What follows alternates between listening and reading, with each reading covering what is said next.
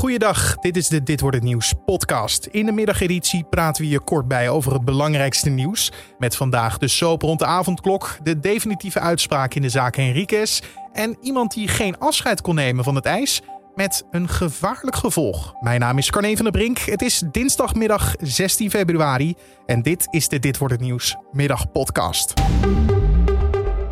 De avondklok moet per direct worden opgeheven. Dat heeft de rechtbank in Den Haag vandaag besloten in een zaak die door viruswaarheid is aangespannen.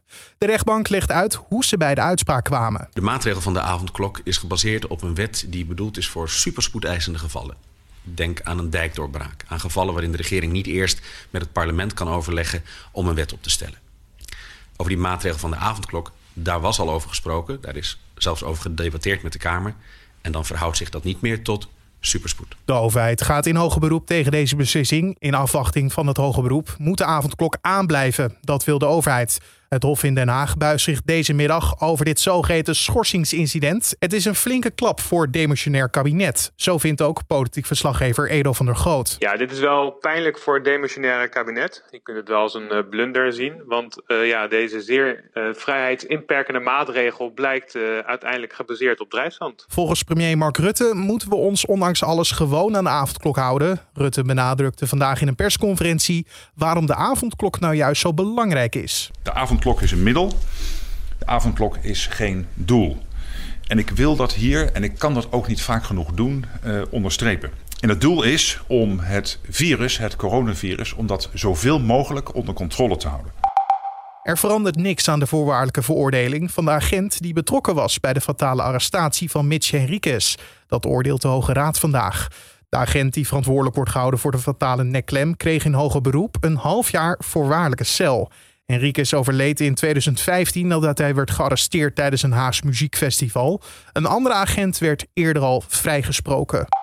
De afgelopen week lieten iets minder mensen zich testen dan de week ervoor. Dat meldt het RIVM in de wekelijkse update. Het winterweer weerhield mensen er volgens de gezondheidsdienst van om naar de testlocaties te gaan. Hierdoor is het zicht op de verspreiding vertroebeld, al dus het RIVM. De afgelopen week zijn ruim 25.000 mensen positief getest op het coronavirus. Dat is ongeveer gelijk aan de testen van zeven dagen ervoor. Verder is het reproductiegetal toegenomen. Dat komt volgens het RIVM doordat steeds meer mensen besmet raken met de Britse besmettelijkere variant van het virus. Tot nu toe zijn er in Nederland 35 mensen overleden na een coronavaccin. Dat laat het bijwerkingscentrum LAREP weten. Het gaat om kwetsbare ouderen met ernstige onderliggende gezondheidsproblemen. Deze problemen zouden de meest voor de hand liggende verklaring zijn voor de sterfgevallen. Volgens LAREP zijn tot nu toe bijna 4000 meldingen over bijwerkingen binnengekomen. De meest gemelde bijwerkingen zijn spierpijn, hoofdpijn en misselijkheid. Bij de meeste mensen verlopen de klachten mild en gaan ze na een paar dagen over. En de brandweer heeft vanochtend een schaatser uit een wak gered in het Volhovermeer. Volgens veiligheidsregio IJsselland wilde de schaatsliefhebber nog een tochtje maken, ondanks de waarschuwingen voor onbetrouwbaar ijs. De schaatser had zijn dochter bij zich, die de hulpdiensten alarmeerde, nadat hij door het ijs was gezakt. Hij werd met onderkoelingsverschijnselen naar het ziekenhuis gebracht. Door de dooi is het ijs in heel Nederland niet meer te vertrouwen en daarom is het advies om de schaatsen thuis te laten. En dan het weer van Weerplaza. Een grijze dag met in het noorden regen. De zon komt er vooral in het zuiden doorheen. En de temperatuur loopt uiteen van 5 graden op de Wadden tot lokaal 12 graden in het zuiden van Limburg. Morgen verandert er weinig. En om af te sluiten nog even dit. Carnaval gaat dit jaar natuurlijk niet door. En dat zorgt voor lege straten en veel ja, verdrietige carnavalsvierders. En dat vonden twee vriendinnen uit Breda heel jammer.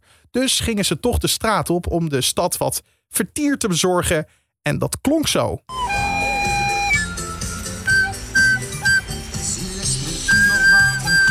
Ja, je hoort hier carnavalsduo Bets en Ria die de grote optocht in het Kielschat in het klein tot leven brachten.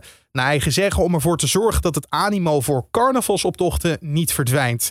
Ze kwamen tijdens hun mini-optocht een aantal mensen tegen die inderdaad moesten lachen.